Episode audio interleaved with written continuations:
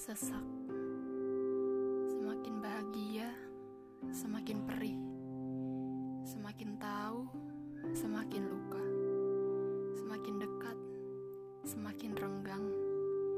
Semakin tertahan, semakin berlari. Semakin melupa, semakin terkenang. Semakin terkenang, semakin dalam luka. Semakin kecewa. Semakin berusaha, semakin sia-sia semuanya. Mengapa semua terasa menjebak pada akhirnya? Mungkinkah makhluk sepertiku tidak mendapat izin untuk merasa lebih di awal?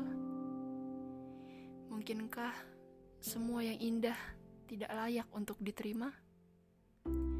Lantas, mengapa semua manisnya rasa akan menjadi pahit pada akhirnya? Mungkin memang harus seperti itu. Makhluk sepertiku harus merasa pahit yang menyesakkan di dada. Makhluk sepertiku harus merasa sesak dalam ingatan. Jika mati rasa adalah hal baik, biarkanlah makhluk sepertiku merasa mati rasa. Hingga tidak lagi mengenal rasa manis. Rasa manis berlebih jika untuk mendapat kepahitan pada akhirnya.